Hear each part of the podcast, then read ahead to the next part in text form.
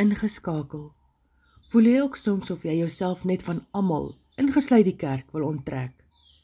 Weg van alles en almal sodat dit eerder net jy en God kan wees. Die vraag is of jy verhouding met God kan hê sonder dat daar enige ander mense betrokke is.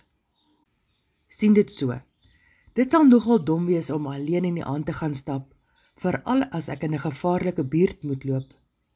Maar dit sal 'n heel ander storie wees as ek 'n paar sterk groot manne saam met my het.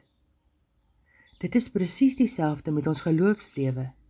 In ons soeke en strewe na heiligmaking is daar baie slaggate en versoekings op ons pad. Ons self is maar swak en het baie tekortkominge. Maar God sit mense in ons lewens wat ons kan beskerm en ons help om te groei.